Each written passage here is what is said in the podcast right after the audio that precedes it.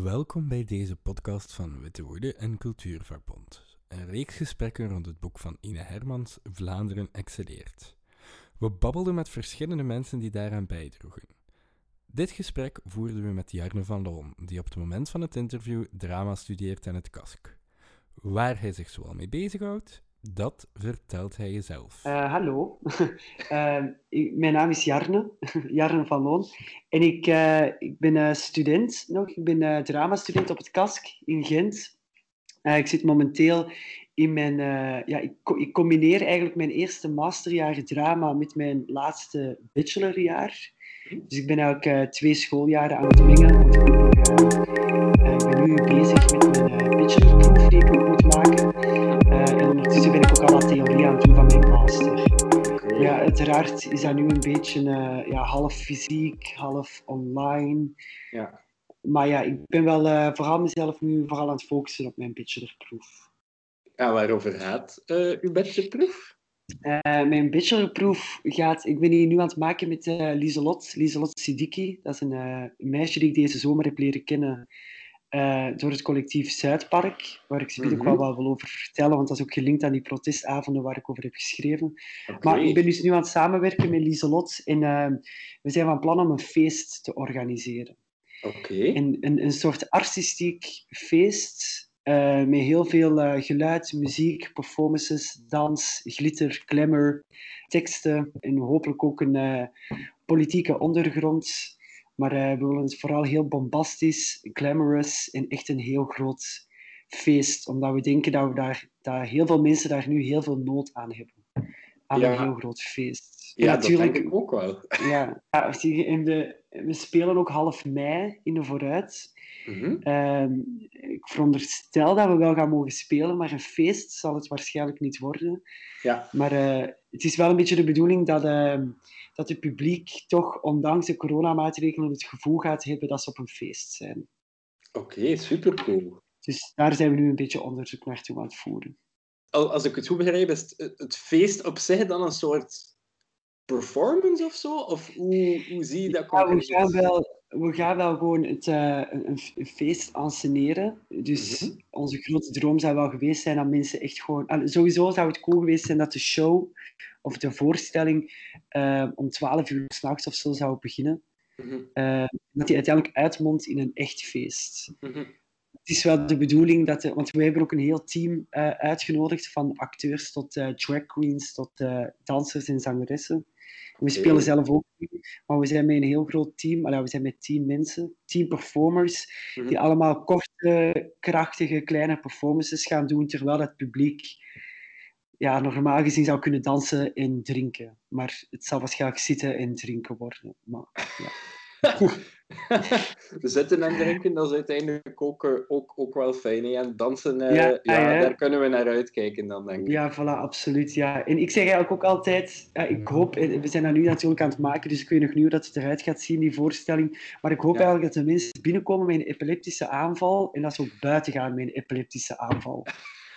dat is zo'n beetje de vibe. U, u, de bijdrage die je geschreven hebt voor het boek, die gaat ja, eigenlijk specifiek over die actievergaderingen, die avonden die je met de studenten uh, hebt georganiseerd. Kan je daar wat meer over vertellen? Ja, ik zal gewoon even zo wat bij het begin beginnen. Ja, dat was dan vorig jaar november dat die aankondiging kwam van die uh, cultuurbesparingen. Mhm. En uh, ja, dat was natuurlijk best wel heftig om dat, ja, om dat te horen, omdat je dat als student of zo... Ik zat toen ook in mijn begin van mijn derde jaar. Dus je bent ook nog niet zo heel veel bezig met dat afstuderen of zo. Of je weet ook nog niet zo goed hoe dat, eigenlijk dat theaterveld eruit ziet. Of hoe dat je geld moet verdienen en of dat, dat kan en zo. Maar er werd wel altijd al gezegd van, als kunstenaar ga je niet zoveel geld verdienen. Mhm. en als dan plots die besparingen komen, is dat wel echt zo een, een keiharde mip in je gezicht.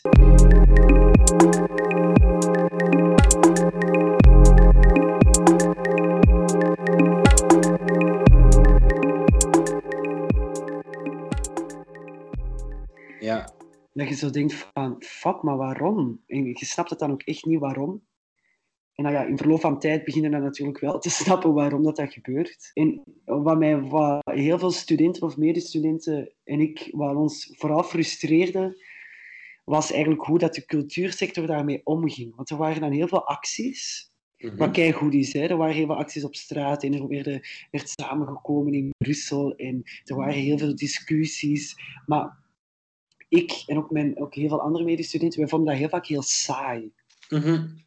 En dat was zo'n discussie, een, weer, weer een eindeloze discussie die niet stopte. En ik, ik en die andere studenten, we dachten ook zo van, ja, maar ja, dat haalt toch niks meer uit. Als Ja. een, je heeft dan ook wel nut om zo eindeloos te discussiëren. Is het niet tijd dat we gewoon echt, ik weet niet, een andere vorm gaan zoeken en gewoon, ja, dat waren dan protesten van de, van de cultuursector die mega saai waren en niet inspirerend of creatief, dat ik dacht van, huh, we zijn allemaal kunstenaars, wij moeten toch net met, op, met, met een entertainend gehalte of zo, of een interessante vorm kunnen afkomen voor protest te voeren. Dat is toch onze kracht. En dan zijn zo die avonden ontstaan.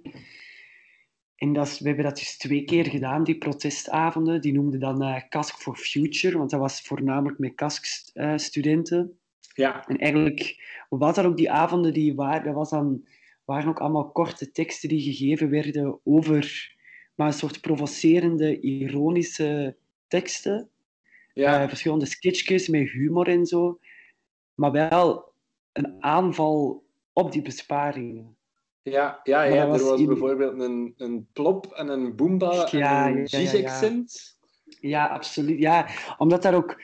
Ja, die Boomba en zo, dat kwam ook van het idee van Studio 100, want de cultuur moest plots heel Vlaams worden en zo. Ik denk dat ze dat nu nog steeds willen, dat, eh, Ja, dat, dat cultuur zo heel Vlaams moet worden. En dan, en dan dachten we ook gewoon aan Boomba. En, en dan werd iets heel humoristisch, maar ik denk dat mensen ook gewoon snakken naar iets humoristisch. En dat mensen ook veel beter dingen meenemen als het gewoon grappig en entertainmentvol is. En het is niet omdat iets entertainmentvol is en grappig is, dat het dan geen inhoud heeft of geen politieke weerklank kan hebben. ja. Dat, dat was dan ook eigenlijk een beetje het groter idee achter de Cask for Future avonden.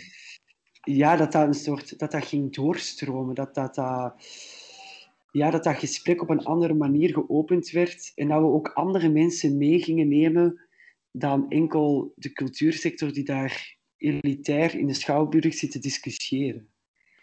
Want als je een soort show doet, Mhm. dan trekt je ook gewoon een ander publiek aan.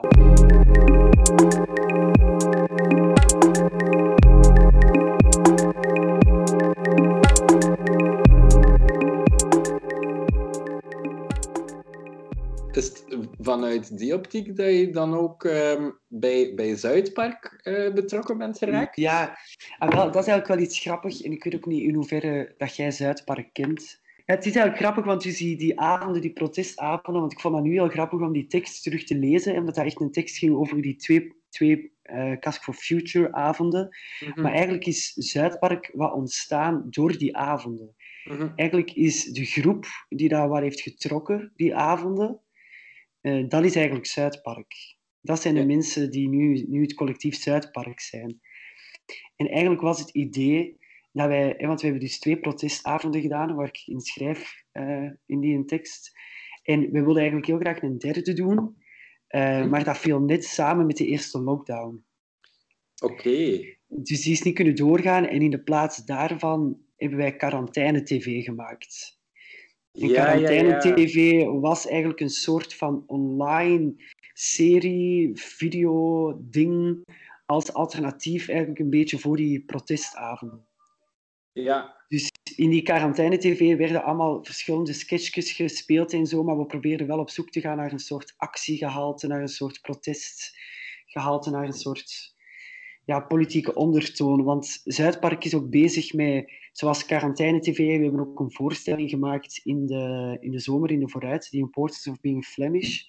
Maar daarnaast doet, probeert Zuidpark, ook- eh, doet Zuidpark ook politieke acties ja. zo proberen wat die met ja, nu is het natuurlijk minder door corona, maar voor corona probeerden we op zoveel mogelijk protesten aan deel te nemen. Ook protesten die niet bij onze cultuursector hoorden. We Ja. probeerden met alle sectoren solidair te zijn. Dus ook met die protesten mee te doen. En ook acties te doen, zoals we hebben ook ehm, de tomatenactie op Jan Jan Bon. dat was Zuidpark, oké. Ja, dat was Zuidpark. Uh, ik was daar zelf niet aanwezig, dat was Zuidpark. Want Zuidpark is ondertussen ook al zo'n grote groep geworden, dat dat ook voor ons al wat onduidelijk begint te worden wie dat, wie dat, eigenlijk is. ja, jullie dus waren ook betrokken bij, het, uh, bij, bij wat er gebeurd is met het, uh, met het beeld van Leopold II, als ik het me goed herinner. Ja, klopt, klopt. Ja, daar hebben ook een paar mensen van het collectief ehm, hebben dat beeld uh, beklad. Mm -hmm. Ja, nu dat ik dat ook weer zeg, ik vind het altijd heel belangrijk als ik het daarover heb, om daar ook bij te zeggen dat dat niet per se onze strijd was dat ja. Leopold. Dat dat een strijd is die wij willen meevoeren. Ja. Maar dat we dat absoluut niet willen claimen. Ja. Dat vind ik altijd een heel belangrijke nuance. Omdat dat niet, ja, dat is niet van ons. Ja. Snap je? Ja, ja, ja, ja. ja. Wel, ik, heb, uh, ik zat zelf mee in de uh, decoloniseringswerkgroep uh, van Stad Gent. Dus ik mm -hmm. draag de zaak ook een, een warm hart ah, toe. Ja. Oké, okay, cool. Um, ja, ik ging iets vragen en ik ben mijn draad kwijt. Ja, ja ik ben uh, veel aan het babbelen, hè, maar... Nee, maar vertel maar wat dat er, wat dat okay, er dat is komt. Uh... Ja, dat is goed. Um, en, en ja, wat dat Zuidpark doet, hoe, hoe vindt dat zijn weerklank bij het, uh, bij het publiek? Wat zijn de reacties daarop? Oh, ja, die zijn natuurlijk heel gemengd. Hè. Mm -hmm. Dat is uh, geprobeerd het is gewoon elke keer als wij, het, wij, wij proberen ook altijd gewoon ons, ons buikgevoel te volgen. En als we ergens onrecht voelen, dan proberen we daar iets mee te doen. Ja. Maar natuurlijk, als je zo, uh, als je zo expliciet politiek, als je iets expliciet politiek doet, dan komt daar natuurlijk ook commentaar op, omdat mensen niet altijd hetzelfde denken. Mm -hmm. En eh, sommige mensen in ons collectief hebben het daar totaal niet moeilijk mee ik, vind, ik heb daar soms wel moeilijk mee, omdat ik altijd uh, in gesprek wil gaan met mensen die anders denken als ik. Mm -hmm. en uh, ik het heel belangrijk vind om meerdere mensen te bereiken, of, of, een hele grote groep mensen bereiken die, die ik normaal gezien niet zou bereiken, of die niet hetzelfde denken. Ja. Maar ik denk dat bijvoorbeeld theater daar dan wel een heel goede vorm in is, omdat... Ik weet niet, bijvoorbeeld mijn ouders die hebben wel wat een, een die hebben een beetje een andere ideologie als ik. En dat is helemaal oké, maar die komen dan ook naar die voorstelling kijken en dan is dat gesprek ook weer geopend. Over, ja. over de Vlaamse cultuur en over die besparingen en zo. Dus zo die protestavonden in, die, in zo'n voorstelling, zoals die in Portsmouth in Flemish van Zuidpark, dat zorgt er wel voor dat er weer een gesprek is. Ja. Net zoals die, als die, als die tomatenactie op Jan Jan Bon. Dat, dat was misschien een heel platte, slechte actie, maar heeft er wel voor gezorgd dat dat, dat gesprek over, die, over de cultuurbesparingen dat dat weer op gang kwam. Ja. ja, je vat het eigenlijk zelf ook samen in je tekst. Um, je schrijft, uh, de Vlaamse regering investeert in bakstenen en zichzelf. Mm -hmm. Ja, het is zo. Hè. Het is, dat was, ik vond dan nu ook, die tekst, ja, ik had hem nu nog straks nog eens terug opnieuw herlezen. ik ben misschien in vergelijking met andere schrijvers nog wel heel kort door de bocht. En maar ik vind dat echt goed, hè, eigenlijk. zo heel, heel hard en gewoon helder, duidelijk, korte zinnen. En gewoon zo... Ik vind dat de, als je gewoon puur naar die cijfers keek, vorig jaar, van waar de overheid in ging, de Vlaamse overheid in ging, in, ging in investeren, dat was helemaal niet in mensen. Dat was gewoon in, in, ja, in bakstenen. En dan denk ik zo, dat moet dat ook gewoon zo gezegd worden. Het is wat het is. Ja, ja, en effectief, ja, een paar jaar nadat je schreef wat je schreef, uh, kondigde Jan Jan Bon aan van ah, we hebben een paar miljoen extra gevonden voor de cultuursector, uh, we gaan uh, de gebouwen gaan renoveren. Dat is verschrikkelijk, hè? Dat snap ik, ik snap dat echt niet. Ja, dat zijn... Ja, ik snap... Ja dat is, absurd. En dan heb ik toch het gevoel dat het dan... Uh, door de media wordt het dan heel hard opgepikt van... Oh, wat is toch een goede... Hij is toch wel goed, want hij heeft geluisterd naar de cultuursector. Uh, want hij investeert terug geld in de cultuursector. Maar die ja. nuance inderdaad van waar dat, dat geld naartoe gaat, dat wordt dan niet gebracht. Ja. En ja, wat mij ook zo hard tegenspreekt, eh, frustreert, is dat Jan Bon ook gewoon, als je, als je bijvoorbeeld niet zo heel veel bezig bent met, met cultuur, met de cultuurpolitiek, dan lijkt het ook alsof dat Jan Jan Bon eigenlijk het allemaal niet zo slecht voor heeft. Ja. Want zij zegt ook van, ik wil dat de cultuur gaat excelleren naar het buitenland en zo. En dan denk ik ook van, ah ja, op eerste zicht klinkt dat heel goed. Mm dat je dat wilt, dat wij gaan excelleren en zo, dat we gaan doorgroeien, dat we gaan bloeien en zo. Maar dat strookt dan natuurlijk helemaal niet mee, mee besparen op, op de projectsubsidies. Want die projectsubsidies zijn het voor jonge makers. En als mhm. je als jonge maker geen risico's kunt nemen, of nieuw, dan heb je, je, kunt geen, je, hebt gewoon, je kunt gewoon geen nieuwe dingen uitproberen, ja, dan kun je gewoon niet excelleren, dan kun je gewoon niet groeien. Ja, ja en ja, als ik, allez, als een, een Peter de Rover of een Marius Meerman het dan natuurlijk mhm. over excelleren hebben, dan, dan bedoelen ze daar natuurlijk iets anders mee dan als een kaskstudent uh, als jij dat, dat doet, denk ik. Ja. ja, dat is ook waar. Ja, want voor mij is excelleren gewoon... Uh, ik weet niet, al gewoon het feit dat je dingen kunt uitproberen.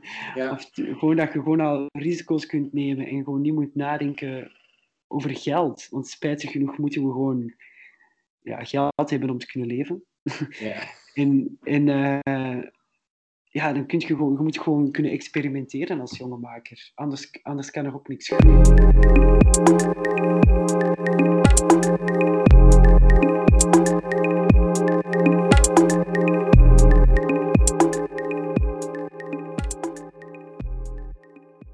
Ja.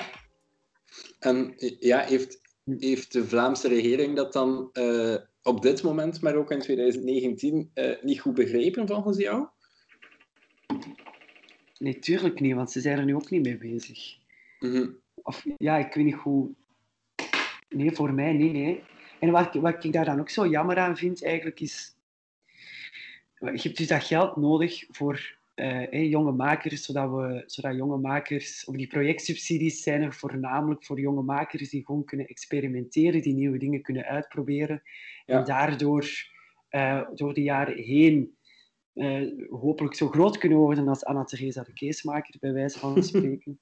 ja. Want zij is ook zo moeten beginnen, dus anders kan dat gewoon niet. En bijvoorbeeld in een lockdown, wat mij ook heel duidelijk werd, is hoe hard dat elke Vlaming cultuur nodig heeft. Ja. En daar ook naar verlangt. Dat, cultuur is niet elitair, cultuur is niet voor een bepaalde groep alleen. Cultuur is bijna voor iedereen. Want als je cultuur heel breed neemt, ben ik er 100% zeker van dat elke Vlaming in een lockdown uh, muziek heeft geluisterd, een boek heeft gelezen, uh, een tv-serie heeft gekeken of een film heeft gezien of verlangde naar een concert of verlangde naar een theatervoorstelling. En dan denk ik, kijk, iedereen heeft dat nodig. Nee, ik wou gewoon zeggen, en ik vind het dan jammer dat dat, niet, uh, dat, dat verhaal niet goed verteld wordt.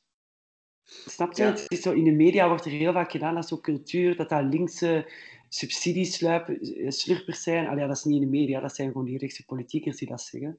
Mhm. en, dan, en dan denk ik zo, maar dat is niet waar. Dat is gewoon echt niet waar. Iedereen iedereen houdt van cultuur en iedereen heeft dat nodig. Maar waarom kan dat niet verteld worden dat dat, dat, dat, ook geen subsidies zijn, maar dat dat een investering is? Ja, dat, dat, hangt dan natuurlijk ook, zoals je zelf zegt, allemaal samen met het, uh, het imago van de kunstenaar, om het zo te mm. noemen, dat een beetje wordt opgehangen door de, door de eerder rechtse partijen. Ja. Ja, dus uh, ik vroeg, vroeg, me af of dat we dan niet meer voorstellingen zoals die van uh, Zuidpark, jullie Importance of Being Flemish, uh, kunnen gebruiken om te tonen van kijk, dit is wat kunstenaars echt doen.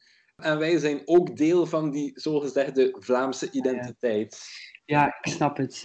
Ja, ah, wel, ik denk dus... Wacht, ik moet even nadenken. Hè. Ik denk dus absoluut dat we nog voorstellingen van Zuidpark nodig hebben. Mm omdat die ook dingen blootleggen. En ik vond, eh, eerlijk gezegd, dat dat eigenlijk ook een heel toegankelijke voorstelling was. Mm Ondanks dat die politiek getint was, omdat die over de Vlaamse kanon ging. Maar tegelijk hebben we ook uh, heel veel nood aan voorstellingen die helemaal tegenovergestelde zijn. Ja. Um, om gewoon, om gewoon een zo, zo, divers mogelijk veld te hebben aan, aan, aan theatervoorstellingen. En ik heb het gevoel dat er nu al een redelijk divers aanbod is. Ja. Maar als je natuurlijk minder gaat investeren, ja, dan gaat dat aanbod ook natuurlijk verminderen. Mm -hmm. ik ook denk dat ze eigenlijk willen. Maar het zou, ja, daarom dat ik ook zo denk van als mensen zeggen van ik ga niet graag naar theater dan denk ik ook zo, volgens mij weet je nog niet zo goed wat er allemaal is. Ja. Omdat er zoveel is en ik denk dat er een theatervoorstelling is voor, voor ieder. Eh, er is voor ieder wat wils. Ja. Bijna. Omdat er, zo, zo, er zijn zoveel verschillende voorstellingen en er zijn ook heel veel stijlen die, die ik persoonlijk helemaal niet leuk vind, maar andere mensen dan weer wel. Dus dat is ook heel belangrijk dat er genoeg diversiteit aanwezig is. En soms mag een voorstelling ook helemaal niet expliciet politiek zijn. Dat mag. Mhm. Een voorstelling mag soms ook gewoon leuk zijn. Ja. Ja, wat, je net allemaal vertelt, dat staat dan eigenlijk een beetje haaks op hoe dat het, het, het media- en cultuurlandschap vandaag gepusht wordt. Voorstellingen zoals iets van een Studio 100 eh, of iets op de VRT of zo, die cateren dan liefst een zo breed mogelijk publiek en die leveren het liefst zoveel mogelijk geld op. Ja, dat is raar, hè? Ja, dat is niet raar. Ik snap dat ook wel. Maar dat is, eh, van hun standpunt snap ik dat. Maar dat is zo... Ik denk dat dat ook een beetje een streefdoel was voor die Imported of Being Flemish van... Of ja, ik probeer dat nu ook zo wat te onderzoeken met mijn bachelorproef van hoe kun je entertainmentvol zijn en hoe kun je dat Studio 100 gehalte behouden, Mhm, zodat er mensen komen kijken die normaal gezien niet naar theater zouden komen kijken. mhm, normaal gezien naar Studio 100 zouden gaan kijken, hoe kun je ervoor zorgen dat die mensen die normaal gezien naar Studio 100 gaan kijken, ook, ook naar, naar die Important of Being Flemish komen kijken en dan tegelijk een heel toffe avond hebben gehad, Ja. maar ook stof hebben tot nadenken. Ja. En ik, weet niet of dat... dat ah, ja, het gewoon, gewoon zo dat... Is het mogelijk om in theater entertainmentvol te zijn en tegelijk, ik heb het al gezegd, maar hoe kun je entertainmentvol zijn en glitter en show hebben en tegelijk ook iets te vertellen hebben? Of Mhm. iets, iets openleggen, iets blootleggen, waardoor dat er een discussie kan ontstaan. Ja, ja, die discussie die is eh, na, allee, op dit punt in de coronacrisis eigenlijk toch harder nodig dan ooit, niet? Absoluut, en hij is nu ook helemaal niet gaande. En Mhm, ik, ik denk ook heel vaak van, dus komt eigenlijk de politiekers, eh, de politici, het komt de politici eigenlijk eh, heel goed uit, die lockdown. Mhm. Omdat, natuurlijk, hun hebben het absoluut ook niet, niet gepland. Daar ben ik 100% zeker van. Maar het komt hun wel heel handig uit, omdat we gewoon niet meer op straat kunnen komen. En we kunnen Ja. niet meer protesteren. En eh, eh, protesten en acties ontstaan meestal als mensen samenkomen en van gedachten kunnen wisselen en zo. En daarover kunnen discussiëren. Maar dat gebeurt nu niet meer. Mensen zijn niet meer aan het discussiëren met elkaar. Dus mensen weten ook niet heel vaak dat er onrecht is in de wereld. Ja, En ja, gewoon, hoe vaak dat ik nu wel heb gedacht de afgelopen maanden van godverdomme, er gebeurt iets en ik denk, shit, ik wil op straat komen. Ik wil gaan roepen met honderdduizenden mensen, ook ik op straat komen en roepen dat het niet oké is.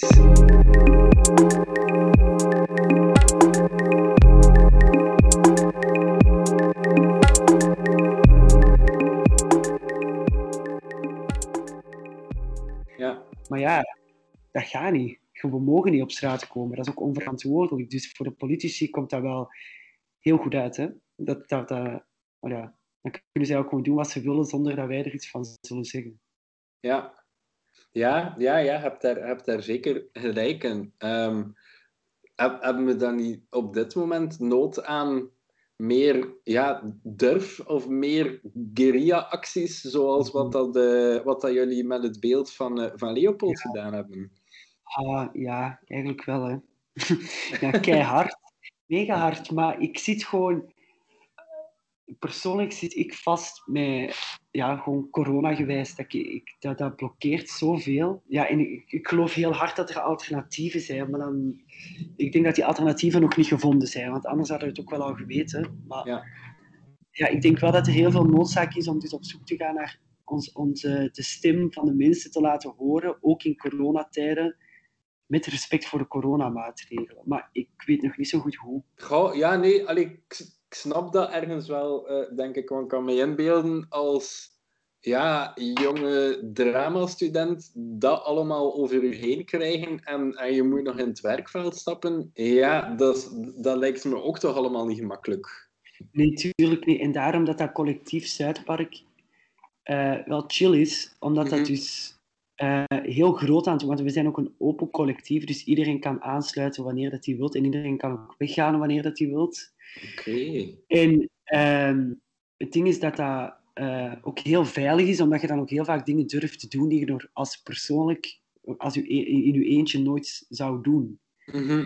En als er is iets gebeurt, want dat is bij mij ook al gebeurd, als er acties gebeuren waar je van denkt van, wow, hier wil ik echt niks mee te maken hebben, hier sta ik gewoon niet achter, ja. Dan neemt je gewoon afstand. En dat zorgt natuurlijk voor heel veel discussies in de groep, maar dat is oké. ja, dat is eigenlijk misschien ook wel nodig. Ja, en dat zorgt ook voor een veiligheid, want ja, dat is, het is een veiligheid. Want nu denk ik ook zo, ah ja, nu ben ik eigenlijk ook wel volop aan het zeggen dat ik bij Zuidpark hoor. Ja. ik denk zo, weet niet eens of dat eigenlijk echt zo'n goed idee is, maar ja, is wat. ja, als je, als je wilt, uh, kan ik daar heel kort over zijn in het, uh, in het artikel. Ah. Um... Ik zeg, het, het, heeft er veel mee te maken hè, met wat ik doe en die tekst die ik heb geschreven. Dus het is misschien ook moeilijk is, weet, je wat, weet je wat dat gewoon is? Het ding is gewoon dat, dat, uh, dat Zuidpark ook illegale dingen heeft gedaan en waarschijnlijk zal doen. Mm Want bijvoorbeeld, dat mag je weten en je mag het misschien vermelden in je artikel, misschien niet, maar ik ga het gewoon even zeggen. Mhm. Ik ben dus ook, uh, ik was deel van die uh, van Leopold. Ik met een paar mensen ook van Zuidpark beklad. Ja. En een tijd later heb ik een brief gekregen in de brievenbus om op verhoor te komen.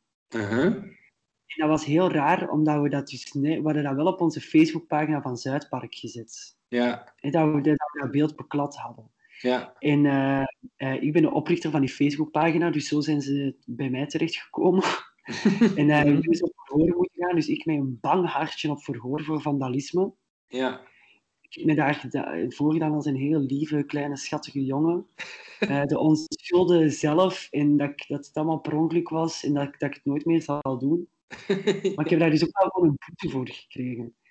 En dat, voor, ja, dat verhoor was toen dat beeld al weg was. Het is heel raar en ik was gewoon zo... Maar allee... Ik bedoel, Matthias de Klerk heeft daar zelf gestaan om dat beeld weg te halen. Ja, ja. En, en Intelligent heeft trouwens dan ook nog eens een poster gebruikt uh, van het beeld dat beklad ja. was. Als promotie of zoiets, of voor een prijs of zo te winnen. Mm Dat ik dan dacht van, allee, kom, we gaan allemaal met de eer lopen. Hè? Matthias de Klerk gaat met de eer lopen van kijk eens hoe een goede burgemeester ik ben. Ik haal dat beeld weg. Ja. En ik mocht op verhoor. Terwijl, ja, amai, dat is wel, dat is wel straf. En ben je met dat verhaal niet naar buiten gekomen? Ja, eigenlijk, ik had dat wel moeten doen. Ik heb het dus niet gedaan. We hebben wel uh, in Zuidpark een paar mensen van ons collectief hebben een interview gegeven in de knak. Ja. Uh, waarbij dat ze dat wel hebben aangegeven, dat verhaal. Ja. Er is voor de rest ook niets meer mee gebeurd. En persoonlijk heb ik daar ook gewoon rustig over gezwegen. Ja. Omdat ik gewoon wat bang was dat dat nog gevolgen zou hebben. Voor jou persoonlijk dan? Ja, voor mij persoonlijk. Ja, dus dan was ik ook zo'n flauwe Rick. Die, uh, zo dat van, laat maar gewoon, ik kon niet meer terug naar de politie of zo. Ik weet niet, misschien had ik dat wel gewoon moeten doen, maar ja. En daarom dat dus ook Zuidpark, dat collectief, heel chill is. Ja, ja. Omdat je niet, niet per se weet, niemand weet echt, iedereen weet wel een beetje wie dat daar allemaal in zit, maar eigenlijk ook niet. dat, is zo, dat is een soort fluïde groep ja. die, die constant verandert en zo groot is. Bijvoorbeeld met die voorstelling die in Portugal in Flemish, we waren met 30.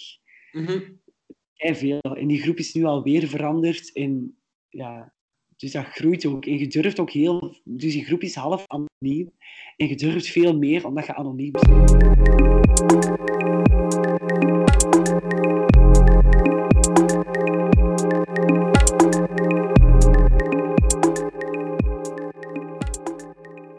Ja, ik wist ook sowieso dat dit gesprek op, op, tot Zuidpark ging leiden natuurlijk. Want ja, die tekst is eigenlijk het startpunt van Zuidpark. Oh, maar supercool. Dat, had ik, dat, dat had ja. ik zelf uh, niet verwacht. Maar ik ben ja, per, persoonlijk wel fan van de dingen die jullie al uh, gedaan hebben.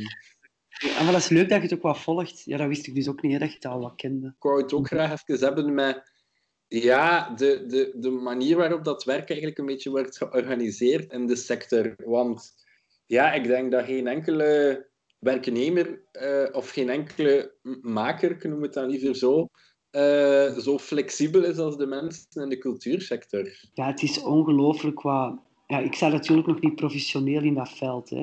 Mm -hmm. maar gewoon puur op, op school zie je dat ook heel hard, dat er heel veel verschuivingen zijn geweest en wat voor problemen dat dat met zich meebrengt, omdat er heel veel mensen uh, vanuit het werkveld les komen geven bij ons op school. Ja. En die mensen die komen dan toch niet, of toch wel, of uh, voor, voor mij nu nog niet, maar voor, ik zag ook bij heel veel medestudenten dat stageplaatsen uh, verschoven werden naar het volgende seizoen. Maar dat het dan ook heel veel gevolgen heeft uh, qua studiepunten en zo. Omdat je dus die stage ja. niet kunt doen.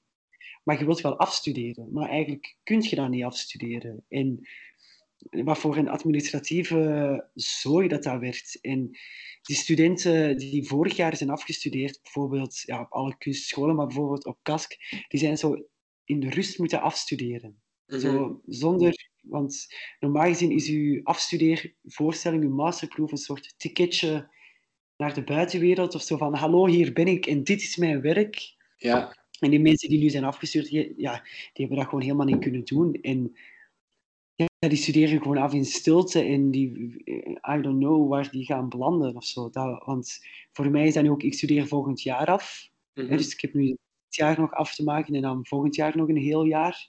Mm -hmm. En ja, ik, ik, had altijd in mijn hoofd van, ik ga echt nog wel kunnen afstuderen zoals het hoort. Ja. Maar ik begin daar wel volop over te twijfelen, omdat, ik weet niet, alles verplaatst ook. Hè, in Ja. die, dus al die voorstellingen zijn aan het verplaatsen naar het volgende seizoen. Dus dat volgende seizoen zit al boomvol. Mhm. Dus je moet een soort gaan afstuderen in een theaterveld waar al heel veel voorstellingen zijn en in een theaterveld dat helemaal over, overhoop ligt. En Ja. als student ziet je gewoon niet... Ik heb dat toch vaak gehad van... Ik, ik zie het gewoon niet. Ik weet gewoon niet...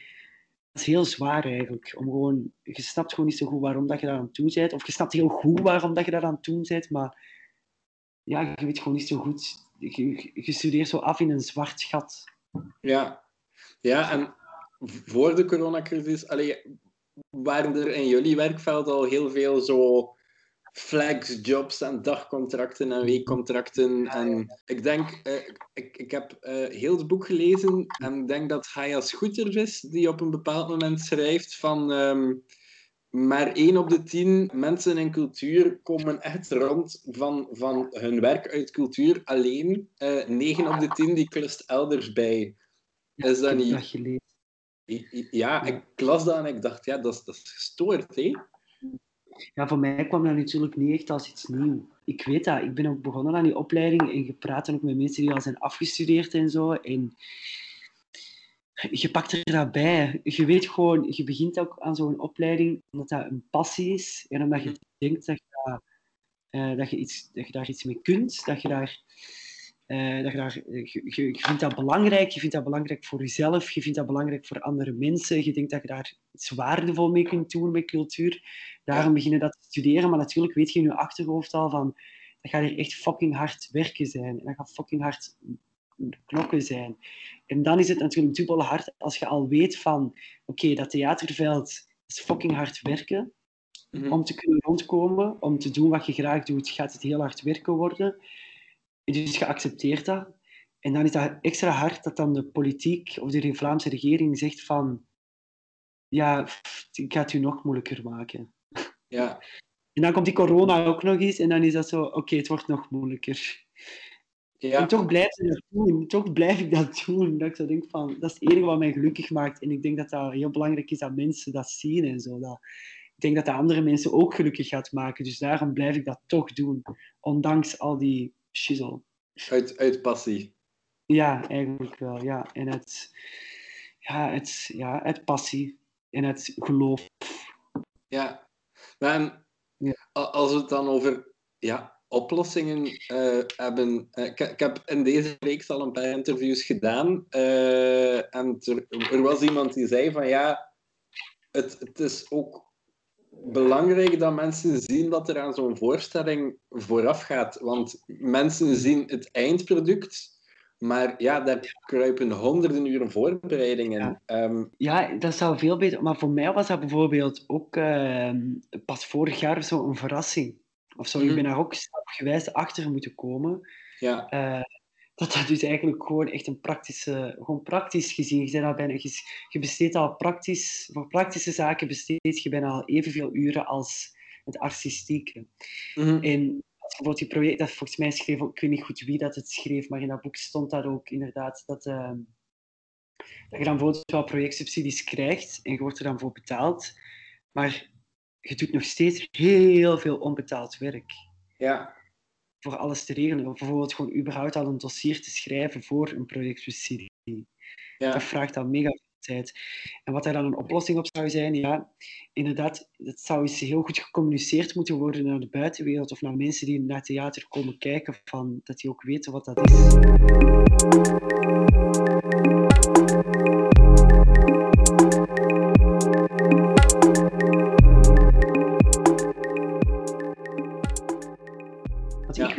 Het niet eens. Snap, snap je? Ik ben beginnen studeren en ik wist dat niet eens. Mm Dat er eigenlijk zo in elkaar zit. En over ja, en ook zo, ik zeg nu ook van, hey, ik, ik blijf dat doen, hey, ik blijf toch werken om, om, dank, om gewoon omdat het een passie is, ook al krijg ik er geen geld voor of zo, ik, ik ga dat blijven doen. Maar tegelijk is de oplossing gewoon om, daar, om die mensen wel, of om de cultuurwerknemers gewoon wel geld te geven. Ja. Het is gewoon heel simpel. Die, wij moeten gewoon geld krijgen. Wij moeten gewoon subsidies krijgen. En dat is geen subsidie, dat is een investering. Ja. Je krijgt dat geld terug.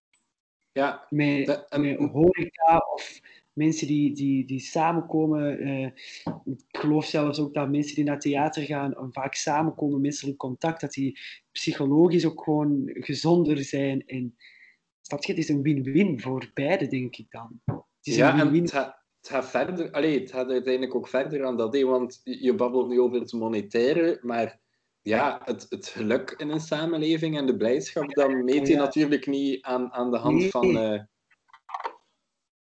Ja, en dat is vervelend hè, dat je dat niet kunt meten, want ik denk dat, dat, er, dat er daar ontzettend veel mee te maken heeft. Mm veel. Want ja. anders, dat vond ik ook heel schoon dat er ook eens een actie was van hoe zou de wereld er dan uitzien zonder cultuur. Mm -hmm hoe zou dat uitzien? En dan denk ik zo, ja, dat raakt elke Vlaming als er geen cultuur is. Want dan is de wereld gewoon grijs. Ja. Ja. Ja, ja, ja daar, ben ik het, uh, daar, daar ben ik het mee eens. Ik heb het, ik heb het met nog mensen over hypothetische oplossingen uh, gehad. Um, en twee zaken die daar uitsprongen waren een basisinkomen en iemand anders had het over een Cultural New Deal, waarmee dat hij eigenlijk bedoelde dat je een aantal gemeenschapstaken oplijsten die kunstenaars een vijf à tiental uur per week zouden kunnen doen en dat ze dan voor de rest uh, geldelijk gesteund werden om te, om te maken. Wat, wat zijn jouw ideeën daar rond? Oh, ik moet u zeggen dat ik daar dus uh, nog niet zo heel veel over heb nagedacht. Mm -hmm. uh, dus ik heb geen concreet idee. maar bijvoorbeeld dat tweede idee dat je zegt, dat voelt alsof dat, als ik nu zo, ik weet natuurlijk niet hoe dat mijn carrière uh, eruit gaat zien als ik afstudeer, maar uh, in mijn hoofd heb ik ook zo gewoon een, hoofd, een beeld van, oké, okay, worst case scenario, als ik uh, eh, 10 of 15 uur in de horeca moet werken en ik kan voor de rest van de week met, met kunst bezig zijn, met theater bezig zijn, ik kan dan met die 10 à 15 uur in de horeca mijn huur en mijn eten betalen, -hmm. dan ben ik een gelukkig mens. Dan ben ik ja. oké. Okay. Dus dat idee klinkt ook als, als een soort uh, ja, eerste laag of zo die, die, die ik van plan ben om te doen als ik afstudeer. Ja. Uh, maar het zou natuurlijk handig zijn dat dat... Ik vraag me dan ook af wat voor, wat voor jobs dat hij dan bedoelt of zo. Ik weet niet of hij daarop heeft geantwoord. Um, die zij zelf bijvoorbeeld kunstonderwijs geven, uh, of gewoon eigenlijk jonge mensen op allerlei manieren laten, laten voelen en laten kennismaken met wat dat kunst net is. Ook een beetje met in het achterhoofd onderwijs, waar we het net over hadden ook. Um, de uren esthetica en zo, die moeten wijken voor uh, uren ja, techniek. Ah, ik kan daar iets gewoon van huilen. Maar ja, mm. Dat is nu niet echt de oplossing om gewoon te huilen. Maar ja, dat doe je eerst. Eerst ga je huilen en dan pas uh, ga je dingen ondernemen. Oh ja, ik vind, zo, ik, snap, ik vind het zo jammer dat heel vaak de waarde van kunst dan ook zo vaak verloren gaat. Als in, ja. ja, het heeft zoveel waarde en ik denk dat dat genoeg wordt aangetoond. En ik geloof ook echt, als ik dan zo denk aan de, de, het Horsnee Vlaming, ik denk dat hij dat allemaal wel begrijpt. Ik denk dat je iedereen wel mee kunt krijgen in dat verhaal dat cultuur echt belangrijk is en dat dat noodzakelijk is. Alleen ja. wordt dat niet goed, niet goed genoeg verteld, toch? Want de gemiddelde Vlaming heeft nog steeds een beeld van een theaterkunstenaar en dat dat zo ja, iemand is die door de katten van de, van de trap gaat gooien. Ja. En dat is niet wat wij een, een hotel meneertje met een, uh, met een monocle uh, en een pofbroek of zoiets. Ja, maar dat, is helemaal niet, dat, dat klopt helemaal niet. Dat is helemaal niet waar. En dan denk ik zo, fucking hell. Dat is, dat is gewoon niet hoe dat zit. Dat is gewoon niet... En dan, ik weet ook niet zo goed wat, hoe dat je dat dan... Hoe dat je die mensen kunt meekrijgen. Want ik, ik geloof wel dat het mogelijk is om die mensen mee te krijgen. Of, ja. of om een groter publiek of zo mee te krijgen in een gemeenschappelijk verhaal. Het zou mogelijk zijn. Uh, ja, ja dat, dat, dat denk ik ook wel.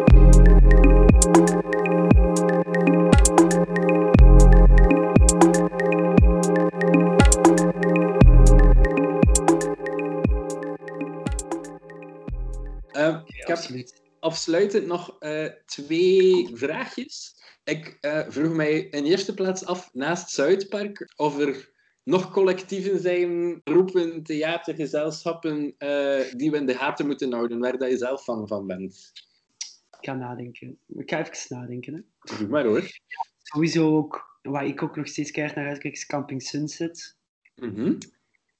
Ken je Camping Sunset? Ja, het is een beetje... Camping Sunset is een groep acteurs, mm -hmm. uh, uh, half afgestudeerd en half nog studerend aan het KASK. Mm -hmm. En die...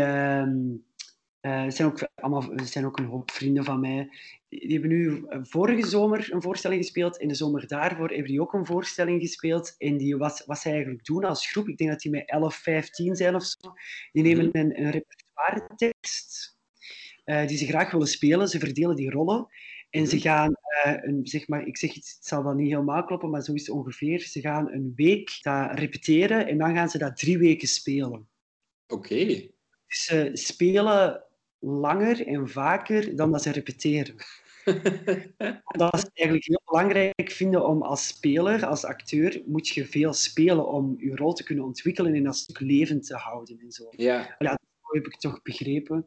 En ja, dat is, uh, daar zitten nog heel veel belovende dingen bij wat die gaan doen.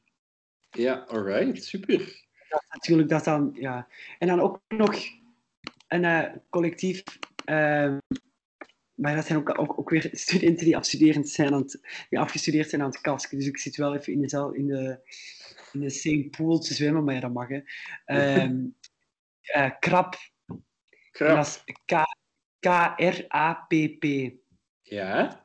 En dat is, uh, dat is ja, Nona, Timo en Mats. Dat zijn drie makers, acteurs, die ook zijn afgestudeerd aan het kask samen met een masterproef. En die gingen eigenlijk nu in première met een nieuwe voorstelling ze hebben dat ook niet kunnen doen, maar het is vrij cool. Het is echt ontzettend cool wat ze doen.